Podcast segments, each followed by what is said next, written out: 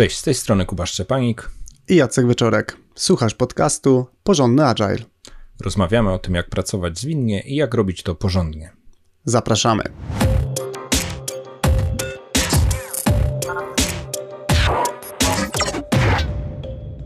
Kiedy pracujemy z organizacjami, spotykamy bardzo różne zespoły. Część z tych zespołów, można powiedzieć, działa, mówiąc oczywiście bardzo ogólnie, część tych zespołów niestety e, nie działa. Mm, I przez lata wypracowaliśmy sobie mm, z Kubą nasz własny punkt widzenia na to, co to tak naprawdę jest najlepszy zespół, jakie taki zespół ma cechy. I gdy myślimy o zespołach, e, wybiegamy też poza tą perspektywę wyłącznie zawodową. I coś, co obserwuję, to to, że e, wielu z nas e, ma poza pracą jakąś pasję. Często te pasje są związane z e, funkcjonowaniem w zespołach. Czy to są gry, jakiś sport, może jakieś takie pas pasje, które realizuje się w grupach, żeglarstwo, jakieś rzeczy związane z historią, jakieś, jakąś działalność społeczną. Bardzo często w tych sytuacjach ludzie tworzą bardzo silne zespoły. Ludzie tworzą te zespoły, ponieważ łączy ich pasja, ponieważ są tam też e, dobrowolnie, e, poświęcają swój cenny czas i, i angażują swoje, swoje emocje. W pracy niestety często niektórych z tych elementów e, nie ma, o których przed chwilą wspomniałem. Funkcjonujemy w grupach ludzi, w dosyć losowych konfiguracjach. Ktoś nas powołał do zespołu projektowego, e, jesteśmy w jednej części struktury organizacyjnej, mamy wspólnego lidera, kierownika, e, jednego menedżera, ale niekoniecznie tworzymy mocny zespół, niekoniecznie tworzymy zespół w ogóle. No i coś, co jest naszą wspólną z Jackiem obserwacją, to to, że takie zespoły nie tworzą się zupełnie przypadkowo, e, nie tworzą się też przez powołanie, czy sprowadzenie ludzi w mhm. jedno miejsce albo nazwanie ich e, jednym zespołem. E, trzeba takim zespołom się pomóc wykształcić. No i o tym będziemy mówić w tym odcinku. Tak, są pewne powtarzalne atrybuty, które zebraliśmy i tą konkretną listą tych atrybutów się e, z Tobą e, podzielimy. Co Twoim zdaniem, Kuba, powinno być pierwsze na naszej liście atrybutów najlepszych zespołów? E, najważniejszy dla zespołu jest wspólny cel. Zespół często powoływany jest w organizacji, czy to projektowy, czy funkcjonujący jako część struktury organizacyjnej po coś, to coś jest z perspektywy zarządzania w sumie e, najczęściej dosyć e, oczywiste, dosyć jasne, ale to nie jest powiedziane, że wszyscy ludzie tak samo to rozumieją. To wspólne zrozumienie jest potrzebne po to, żebyśmy w każdym szczególiku e, wiedzieli, jakie mamy zasady, dokąd zmierzamy, co potrzebujemy osiągnąć i żeby tutaj nie było najdrobniejszego zawahania czy najdrobniejszej wątpliwości, co to dokładnie oznacza i po co to wszystko robimy. To, co jest y, również istotne, to to, żeby ten cel miał znaczenie e, dla zespołu, czyli jeżeli to jest jakiś cel, który kompletnie jest nieistotny i właściwie mm, nikomu nie zależy, y, żeby ten cel zrealizować, to może wynikać z tego, że on jest albo jakoś super odległy, albo jakiś kompletnie abstrakcyjny, no to też trudno się spodziewać, żeby zespół rzucił się na ten cel e, pełen, pełen zaangażowania. Tak więc też e, istotne jest, żeby te, te, ten cel był też tak ustawiony, żeby, ja tak bym nazwał, żeby był namacalny i żeby był osiągalny dla zespołu. I, i wtedy taki cel ma szansę stać się czymś, co będzie takiego swego rodzaju klejem, który połączy e, działania zespołu. I użyję takich dwóch przykładów, że z tym e, celem, tym klejem, o którym mówisz, Jacek, e, czasami jest taki kłopot, że w organizacjach zastępuje się cel i to nie robi się tego zbyt dobry, w dobry sposób, zastępuje się cel zadaniami, które wykonujemy, czyli jesteśmy zespołem, który wysyła maile albo sprawdza jakiś e, krok w procesie, e, wytwarza oprogramowanie, wykonuje jakieś kreacje reklamowe. To nie będzie cel, funkcjonowania zespołu. To są nasze zadania, to są nasze zakresy obowiązków, z tego jesteśmy znani, być może nawet w nazwie będziemy mieli zespół wysyłania maili, e, ale to nie znaczy, że to jest nasz cel i mało osób będzie takim celem e, jakoś poruszone, czy będzie w to wierzyć. Odpowiedzialnością lidera zespołu, ale też może być to oddolna odpowiedzialność całego zespołu kolegów i koleżanek jest przegadać, a tak naprawdę po co to robimy, co ma to dawać i, i dlaczego w ogóle funkcjonujemy, co dajemy firmie, co dajemy też może społeczeństwu. I żeby nie, żeby nie wpadać w takie tony, często się okazuje, że, że to wręcz jest pułapka, gdy myślimy o tym, że całym sensem naszego funkcjonowania jest robić ciągle ten sam krok w procesie, bo może się okazać, że jak sobie troszkę rozszerzymy perspektywę, to tam gdzieś e, w tych, w tych obszarach, do których e, do tej pory nie docieraliśmy, są jakieś e, ciekawe innowacje albo nowe podejście do tematu, czy nowy sposób realizacji tych zadań, które są nawet jakąś taką naszą codzienną rutyną. Kolejnym atrybutem najlepszych zespołów z naszej perspektywy jest zaufanie. Jest to dosyć głębokie pojęcie i może zostać zrozumiane na, na, różny sposób, dlatego przybliżymy z Kubą, co tutaj mamy na myśli.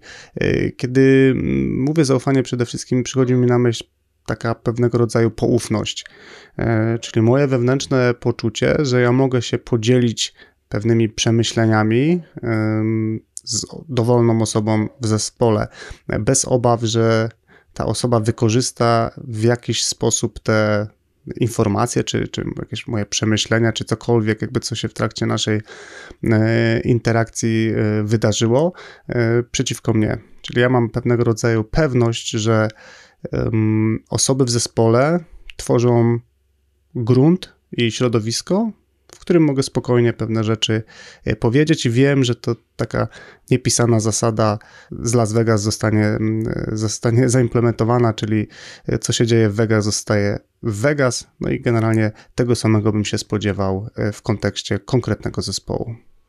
I takim poszerzeniem tego, co mówisz, czyli tej zasady Las Vegas, czyli możemy pewne rzeczy mówić, bo one zostaną z nami, to jest też dzięki temu możemy też mówić e, tak naprawdę, jak myślimy, czyli e, czy to jest kwestia pogadania wewnątrz zespołu, co sądzimy o pracy, którą mamy do wykonania celu, e, sposobu działania, jakichś konkretnych e, przebojach, które są przed nami albo za nami, ale też mówienia otwarcie również o naszym otoczeniu, głośnym nazywaniu pewnych ryzyk, e, wyrażeniu swojego niezadowolenia. To wszystko powoduje, że nie ukrywamy pewnych myśli, konkretnie pewne rzeczy nazywamy, być może nawet właśnie przełamujemy tabu albo wyciągamy rzeczy takie, taka, taka tak zwana tajemnica Poliszynela, czyli w sumie wszyscy o tym myślimy, ale nie ma odważnego, który który by to powiedział, więc e, jednak nikt, nie, nikt tego nie poruszy i za miesiąc będziemy mieli problem, bo, bo, bo przegapiliśmy jakiś e, trudny temat, o którym nie chcieliśmy gadać. W mocnych zespołach to zaufanie doprowadza do tego, że nazywamy rzeczy po imieniu, wprost atakujemy pewne tematy, wprost nazywamy, wprost dzielimy się informacją zwrotną. E, nie boimy się też mówić o właśnie jakichś takich trudniejszych tematach wewnątrz zespołu, pomiędzy, pomiędzy nami jako członkami zespołu. Do tego zaufania dodałbym jeszcze taki aspekt y, przewidywalności zachowań, czyli takie zaufanie na zasadzie, mm, jeżeli ktoś coś mówi, że zrobi, na zasadzie przyjdzie jutro o 9, y, wyślę dzisiaj do 14, y, przygotuje jakąś tam część prezentacji, przygotuje jakieś dane do raportu, no to po prostu to się dzieje, czyli odpada absolutnie ten, ten wątek zastanawiania się, czy to się wydarzy. Czyli ja nie muszę żadnych dodatkowych akcji wykonywać, nie muszę się zamartwiać, nie, nie muszę y, zaczepiać osób, czy na pewno pamiętają, że coś. Jakby kompletnie cała ta warstwa odpada, bo ja po prostu wiem, że w naszym zespole, jeżeli ktoś mówi, że coś zrobi, no to to się po prostu dzieje. Oczywiście w przypadku jakichś sytuacji awaryjnych y, czy kryzysowych, no może się wydarzyć, że, że ta obietnica nie zostanie spełniona, no ale to ja też automatycznie zakładam, że po prostu zostanę poinformowany przez tą konkretną osobę na tak wczesnym etapie, jak to tylko jest możliwe, gdy, gdy tylko odkryję, że jest jakieś e, zagrożenie. Niemniej e, ta pewna taka przewidywalność czy możliwość polegania na konkretnej osobie czy osobach e, no jest istotnym składnikiem zaufania. I ta możliwość polegania pewnie buduje się z czasem, bo to musimy mieć e, pewien, e, e, pewnie przykład albo serię przykładów, że w podobny sposób różne osoby zachowały się. E, ja sam też się czuję zobowiązany, żeby tak się zachowywać. E, no i te przykłady również odwrotne, negatywne, gdy zawiodłem się na kimś, mogą czasami bardzo zatruwać sytuację. Więc tutaj miejmy z tyłu głowy, że nawet pojedyncze zepsucie tego zaufania, czy po, po, pojedyncze, pojedynczy zawód e, kolegów i koleżanek z zespołu może czasami być bardzo zatruwający i tak się sączyć i, i wybuchać, bo może się okazać, że że jeden, jedyny raz e, coś tam poszło nie tak, przemilczyliśmy to, nikt nic nie skomentował, ja nie przeprosiłem i po chwili się okazuje, że jednak już wszyscy się kontrolują, sprawdzają, zasłaniają, wątpią, zawahają i, i tutaj e, to nie zagra. Ja myślę o tym zaufaniu też, czy tej przewidywalności zachowań, to też jest pewna przewidywalność zachowań w sytuacjach kryzysowych. Jacek, przed chwilą o tym powiedziałeś, ja bym to jeszcze najmocniej nadbudował. E, to jest zwłaszcza w kryzysie, wiemy, że możemy na sobie polegać, pomożemy sobie, mogę się zwrócić z pomocą i wiem też, że zachowamy się wszyscy w miarę, w miarę fajnie, czy w miarę tak spójnie, a nie, że w kryzysowej sytuacji nagle się zaczną ludzie wycofywać albo, albo chować, albo, albo za, zrobią coś głupiego. No bo wtedy, jak, zwłaszcza jak sobie tego nie przegadamy po wszystkim, to, to tutaj już tego zaufania przez jakiś czas mieć nie będziemy. Następnym atrybutem e, dobrego zespołu, o którym e, myślimy, to jest e, bliska współpraca. I tutaj jest pułapka językowa. Bliska współpraca to jest coś więcej niż fakt, że funkcjonujemy obok siebie. Ja przygotuję kreację reklamową, a ktoś zrobi do tego zakupy, a ktoś jeszcze inny popilotuje wprowadzenie tego w firmie. Bliska współpraca to jest naprawdę takie kompletne, wspólne realizowanie działań, wzajemne inspirowanie się, pomaganie sobie, też również takie dopingowanie, zaangażowanie. E, no, słowo, które, które jest o wiele mocniejsze niż tylko fakt, że egzystujemy obok siebie i wykonujemy zadania.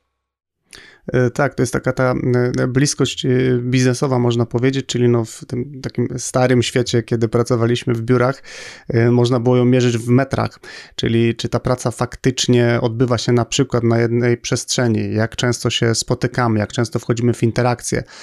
Oczywiście w świecie online nadal można sobie to jakoś tam podejrzewam przełożyć, ale, ale myślę, że to, co powiedziałeś, Kuba, to w szczególności jest istotny ten kawałek, który mówi o tym, że to nie jest robienie pracy i przekazywanie jej gdzieś tam i ta praca po prostu wpada w jakąś czarną dziurę i nie wiadomo, co się z nią dzieje, tylko raczej to jest seria e, e mikro momentów, e, małych takich chwil, kiedy współpracujemy, wymieniamy się i faktycznie razem coś tworzymy. I to jest jakby, e, myślę, tutaj e, kluczowe. I tutaj, żeby taka bliska współpraca nastąpiła, jest kilka takich e, szczegółowych wątków, e, które, które obserwujemy. Jedna rzecz to jest e, przede wszystkim to, że oprócz patrzenia tylko na siebie, patrzenia na swoją specjalizację, na swój zakres obowiązków, to jaką mam etykietę na wizytówce firmowej, to jestem też uważny i otwarty na inne osoby. Interesuję się, co robią koledzy i koleżanki. Szukam okazji do tego, żeby ze sobą współpracować. Chętnie wchodzę w te interakcje z nimi i też raczej myślę tą perspektywą.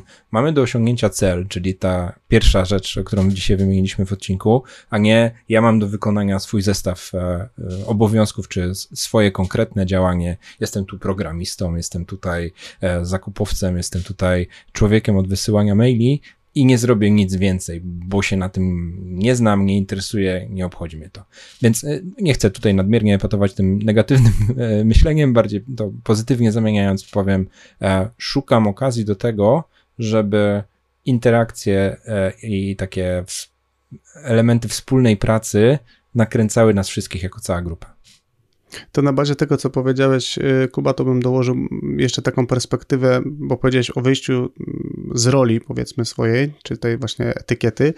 Ja bym jeszcze mm, dołożył taką perspektywę wyjścia z perspektywy bycia pojedynczym członkiem w zespole i spojrzenia trochę bardziej e, zespołowo, czyli nie tylko e, moje zadanie, ale nasze zadania Czyli nie tylko patrzę na to, czy ja mam co wykonać i nie tylko skupiam się na tym zadaniu, ale mam też taką optykę, co się dzieje w zespole, komu mogę pomóc, kto mi może pomóc, może są jakieś rzeczy, które możemy zrobić razem, może pewne rzeczy warto byłoby, żebyśmy w ogóle e, omówili, co obserwuję w zespołach nie jest takim domyślnym podejściem, jednak taka powiedzmy sobie stara szkoła, którą obserwuję, to jest mamy worek zadań, dzielimy sobie te zadania, każdy zakłada kaptur, zakłada słuchawki, robi te zadania, no i na końcu te puzzle próbujemy poskładać.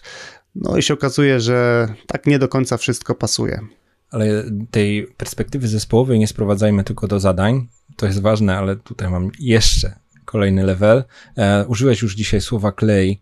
E, myślę o tej perspektywie, jesteśmy zespołem jako ludźmi jest ktoś, kto zażartuje, jest ktoś, kto się zatroszczy, jest ktoś, kto zorganizuje torcik dla koleżanki, która ma urodziny, e, pogadamy sobie o pierdołach i tak naprawdę właśnie poznajemy się też na tej e, warstwie osobistej, jest nam fajnie w pracy, uśmiechamy się, ale też razem smucimy, czyli jesteśmy też po prostu ludźmi, a nie tylko takimi, powiedzmy, bezdusznymi czy bezemocjonalnymi profesjonalistami. Więc Często e, w niektórych organizacjach tak bardzo przedkłada się ten właśnie profesjonalizm, te konkretne zadania wykonane, konkretny efekt, rezultaty, a w dobrych zespołach będą też osoby, które niekoniecznie wnoszą taki, bym powiedział, mistrzowski poziom swojego profesjonalizmu, ale za to są po prostu świetnymi kumplami, świetnymi koleżankami i po prostu chce się z nimi pracować, uśmiechamy się, lubimy ze sobą spędzić czas i, i, i to, jaka jest atmosfera w zespole, w szczególności w środku zespołu,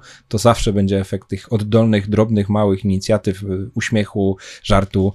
No i na te rzeczy też mamy wpływ. Każdy z nas indywidualnie po prostu możemy sami te rzeczy proponować lub po prostu mile widzieć te rzeczy, gdy inni je robią. Nawet jeśli jesteśmy pod e, presją terminu, nawet jeśli e, mamy jakieś tam problemy, bym powiedział, zawodowe, to dalej możemy je robić też po prostu w dobrej atmosferze. Kolejnym atrybutem najlepszych zespołów jest usprawnianie się. Jak byś zdefiniował, Kuba, usprawnianie się? Myślę tutaj o takiej sytuacji, w której zespół nie trzyma się kurczowo tych samych sposobów pracy, tych samych metod, tych samych praktyk, ale też tych samych sposobów funkcjonowania międzyludzko jako zespół. Czyli zespół e, wpada na różne pomysły, poszczególne osoby różne rzeczy proponują. E, to będą jakieś pomysły wprost wynikające z jakichś e, problemów, czy błędów, czy, czy, czy jakichś tam niepowodzeń, a to też będą jakieś szalone pomysły na zasadzie chodźmy nad rzekę po pracy e, i wypijmy coś razem e, i się pośmiejmy. I te, takie, tak, taką metodą czasami prób i błędów, eksperymentów, szukania jakichś alternatyw, ktoś coś przeczytał, ktoś coś usłyszał, ktoś coś podpatrzył, przyszła koleżanka z innej firmy i y, wiedziała, że da się robić to inaczej, to co my robimy i ta suma tych pomysłów jest po pierwsze mile widziana, po drugie zespół umie jakoś tak przetworzyć, przerobić, y, chociaż spróbować, nawet jeśli mamy jakieś wątpliwości i w efekcie e, tak w dłuższym horyzoncie czasowym po prostu E, jesteśmy ciągle troszkę lepsi. I opowiedziałeś to, Kuba, na takiej mm, sporej oczywistości, natomiast y, ja nadal spotykam e, zespoły w firmach, które nie mają takiego procesu, powiedzmy, czy takiej mentalności zaimplementowanej, czyli gdyby tak nagrać, jak pracują przez na przykład kwartał, to tam właściwie jest cały czas praca i skupienie się jakby y, obraca wokół wykonywania pewnych y, czynności. Natomiast nie ma tego momentu E, refleksji, nie ma tego momentu e, zmiany, nie ma tego momentu, kiedy ktoś powie, hmm, to jest bez sensu, albo hmm, to można zrobić lepiej, albo słuchajcie, pogadajmy, jak możemy to zrobić inaczej. E, z drugiej strony patrząc, to jest naprawdę nic trudnego i zespoły, które z kolei decydują się na wejście na taką ścieżkę pod tytułem zastanówmy się też, jak pracujemy, no z mojej perspektywy one osiągają najlepsze rezultaty i też przyspieszają ten swój proces formowania się jako, jako, jako zespołu. To jest śmieszne, jak mówisz, że ja to e, tak traktuję jako coś oczywistego, bo dla mnie na poziomie racjonalnym to jest oczywiste, nawet nie wspominam o poziomie emocjonalnym, ale na poziomie racjonalnym. Ja wykonuję lżej swoją pracę, mamy lepsze rezultaty jako zespół, nie robimy jakichś nużących rzeczy, które nam przeszkadzają, być może poradzimy sobie już w przyszłości z jakimiś kryzysami, które nam w przyszłości przeszkadzały, no to jakby ja, ja nie widzę powodu, żeby tego nie robić. Czasami jest no widzę dwa. Jeden, nie umiemy tego robić. To mhm. jest dla mnie zrozumiałe. Jeśli nigdy tego nie robiłem, nigdy nie rozmawiałem o tym, to może być to takie za pierwszym razem dziwne. Kurde, od czego zacząć? I to często spotykam w początkujących zespołach, że tak sobie to nie wiem, nawet jak zadać pytania, co dopiero jak e, dawać odpowiedzi. A druga kwestia to może być też taka, że czasami jest jakaś taka kultura, że tutaj musimy zasuwać z robotą do przodu, nie mamy ani pół godziny czasu, żeby się spotkać i pogadać, bo przecież zagartyka, e, licznik bije, czy cokolwiek, co nas tam ściga. I czasami, bo użyłeś takiego, takiego stwierdzenia, że e, zastanówmy się, może jakiś kryzys e, dopiero nas doprowadzi do tego, że się zatrzymamy. Coś, co obserwuję, to to, że mocne zespoły często są mocne dzięki temu, że wychodzą z kryzysu. Ale tutaj słowa mają znaczenie. Nie chodzi o to, że mocny zespół jest wtedy, jak miał kryzys. Mocny zespół jest wtedy, jak z tego kryzysu wychodzi. czyli e, przepracowali sobie pewne, e, pewne, nazwijmy je po staropolsku fakapy. E, coś nie poszło, wyciągnęli z tego wnioski, zastanowili się, z czego to wszystko wynikało i też może nawet e, na tyle mocno cierpieli przez ten kryzys, że sobie powiedzieli nigdy więcej, nigdy więcej pracy w weekendy, nigdy więcej pracy po godzinach, nigdy więcej takiego stresu, e, ryzyk czy obawy o stratę pracy. Różne rzeczy się dzieją w zespołach, więc tutaj wyjście z takich kryzysów e, często mocne zespoły buduje. Ale nie musimy czekać, aż będziemy mieli tak ciężki kryzys z tak wielkimi stresami. Możemy też po prostu o tym pom ciągłym pomyśle, co jeszcze możemy zrobić lepiej, po prostu mieć, mieć go jako taki codzienny nawyk.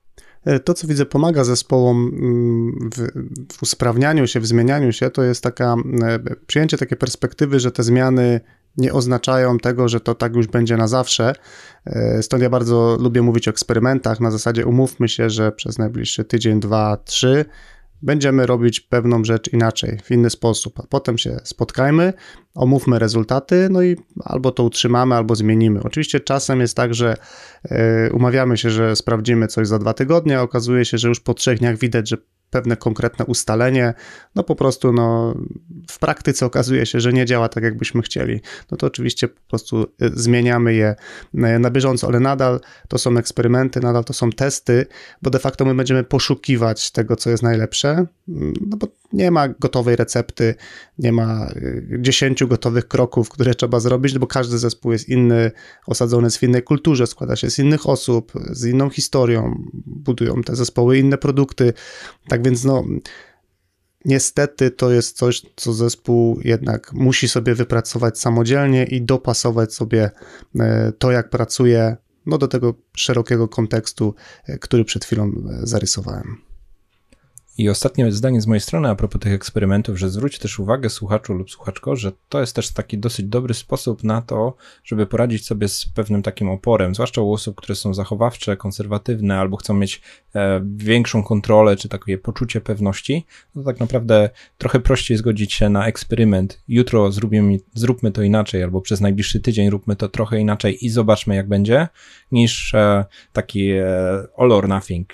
Dzisiaj pracujemy po staremu, od jutra po nowemu, bo takie pomysły czasami są bardzo, bardzo blokujące, zwłaszcza jeśli to, co realizujemy, też jest po prostu bardzo, powiedzmy, biznesowo istotne. Tutaj, powiedzmy, nie ma miejsca aż na takie ostre zmiany. Wtedy no, trochę spokojniejszy eksperyment, bardziej lokalny, w mniejszej skali, może pomóc też przekonać trochę mniej przekonanych albo przyzwyczajonych do starszego sposobu, e, czy, czy tak jak do tej, pracowali, do tej pory pracowaliśmy w zespole. Ostatnim atrybutem, który wymienimy e, w mocnych zespołach, o których myślimy, to jest bezpieczeństwo emocjonalne.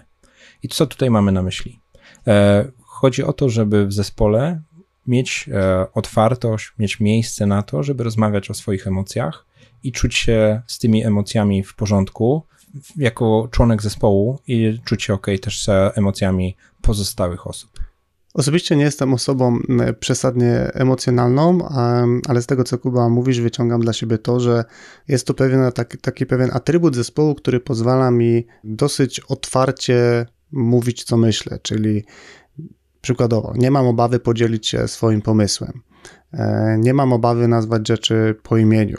E, nie mam obawy powiedzieć, E, że to ja nie wykonałem jakiegoś tam zadania, czy że się pomyliłem. Czyli jest to takie środowisko, w którym wiem, że jakby jedyne, co mnie czeka, to to, że merytorycznie sobie pewne rzeczy omówimy, poukładamy, naprawimy, ale no jakby nie spodziewam się niczego ponad to.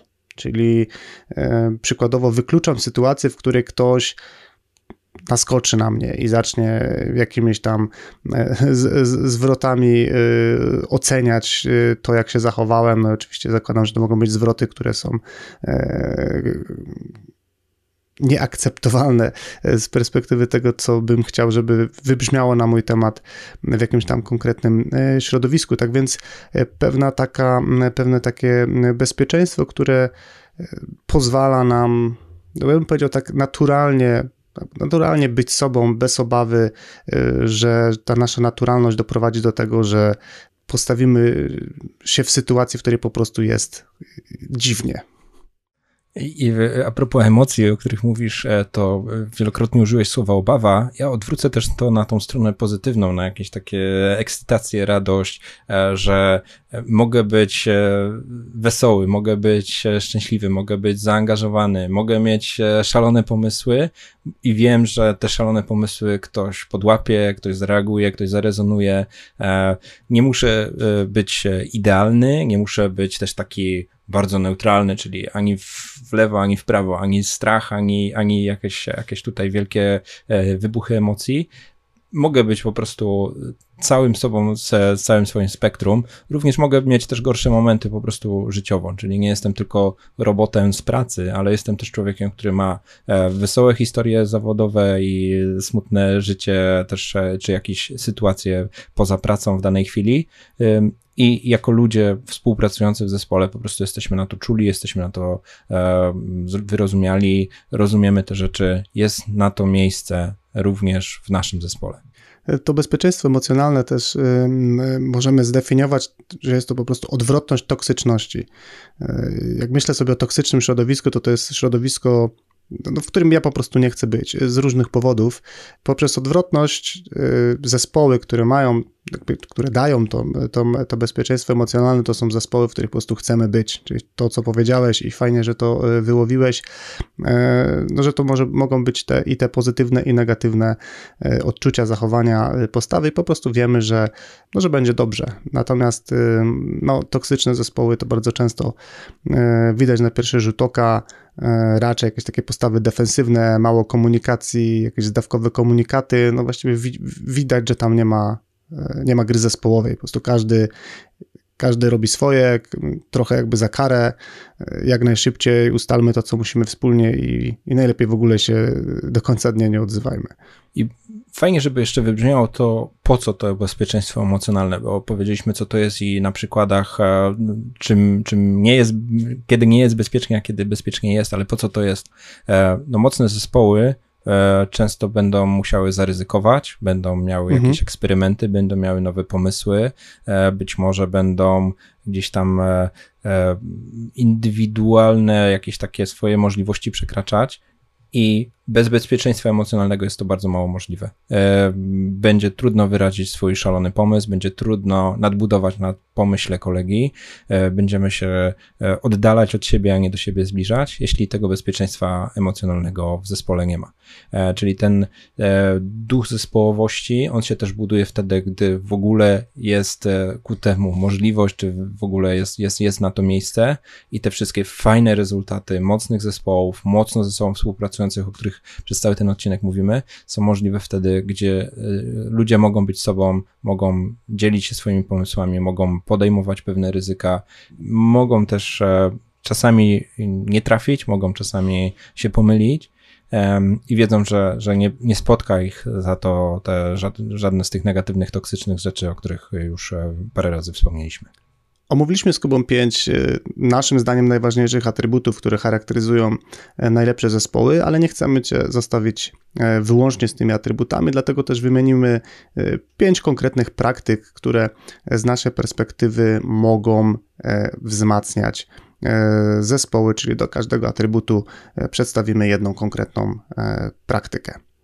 Żeby zapewnić wspólny cel, ustalmy ten cel, jeśli go nie ma, lub upewnijmy się przy starcie zespołu lub jego organizacji, czy rozumiemy tak samo ten cel, który stoi przed zespołem. Możemy to osiągnąć prosząc o spisanie w ciszy przez każdą osobę celu i porównanie wyników. E, żeby budować zaufanie, zanim zaczniesz oczekiwać zaufania od innych, sam je dawaj. Możesz być pierwszą osobą, która mówi jak jest. Żeby poprawić współpracę, domyślnie zanim weźmiesz zadanie dla siebie, rozejrzyj się, czy zespół nie potrzebuje pomocy. Zaproponuj członkom zespołu wykonanie zadania w więcej niż jedną osobę. W celu uzyskania usprawniania się, umówmy się całym zespołem na regularny nawyk rozmowy o tym, jak możemy współpracować inaczej. To może być nieformalne spotkanie przy wspólnym śniadaniu lub obiedzie w dowolny wybrany dzień tygodnia. Dla zapewnienia bezpieczeństwa emocjonalnego wyłapuj momenty, które Twoim zdaniem obniżają w zespole właśnie to bezpieczeństwo. Wprowadź w zespole stop-klatkę, czyli zatrzymanie toku dyskusji, by wyczyścić jakąś sprawę na poziomie emocjonalnym. I taka refleksja na koniec e, o nas samych. E, tak bardzo chcieliśmy, żeby to był odcinek o zespołach, ale obaj z Jackiem, e, gdy tutaj przygotowywaliśmy ten odcinek, mocno zaśmialiśmy się, gdy głośno nazwaliśmy pewną rzecz. W życiu byśmy solo czyli indywidualnie, nie zrobili takiego podcastu, jaki jesteśmy w stanie zrobić e, we dwóch. Podbijamy sobie piłeczkę, budujemy sobie zaangażowanie, każdy z nas dokłada, ale też inspiruje tego drugiego e, i tutaj e, indywidualną pracą powstałaby jedna dziesiąta tego, co jesteśmy w stanie zrobić we dwóch. Jeżeli temat konstruowania najlepszych zespołów jest dla Ciebie interesujący, to zachęcamy do pogłębienia e, badania, które przygotowała firma Google. Mm, link do tego badania znajdziesz w notatkach do odcinka. Warto zajrzeć w to badanie, ponieważ Google przebadał swoje zespoły. Można sobie tylko pomyśleć, ile oni mają różnych sytuacji, zarówno zespoły, które robią bardzo wartościowe, fajne rzeczy, ale Google, Google znany jest też z tego, że niektóre zespoły wytwarzają rzeczy bardzo, bardzo nieudane. No i bardzo rzetelnie podeszli do sprawy i moim zdaniem po pierwsze te wyniki są całkiem zbieżne z tym, o czym my sami tutaj mówiliśmy, ale też e, bardzo mocne zdanie, które wybrzmiewa z e, tego badania, to to, że mocne zespoły nie są mocne indywidualnymi, technicznymi kompetencjami, tylko faktem, że funkcjonują, że wzajemnie się wspierają, że mają też właśnie wspomniane przez nas bezpieczeństwo. Jeśli znasz osoby, które zyskają, słuchając ten odcinek, którym potrzebna jest wiedza albo inspiracja na temat e, prawdziwych, mocnych, blisko współpracujących ze sobą zespołów, to podziel się z tymi osobami linkiem do tego nagrania. E, link e, to porządnyagile.pl łamane na 64 i tam zebrane są wszystkie materiały, które wspominamy. Wszystkie notatki do tego odcinka wraz z linkami, które wspominaliśmy oraz tradycyjnie transkrypcje dla tych, którzy lubią bądź wolą czytać, a także zapis tej rozmowy e, na wideo znajdziesz na stronie porządnyagile.pl łamane na 64. I to by było wszystko na dzisiaj. Dzięki Kuba. Dzięki Jacek. I do usłyszenia wkrótce.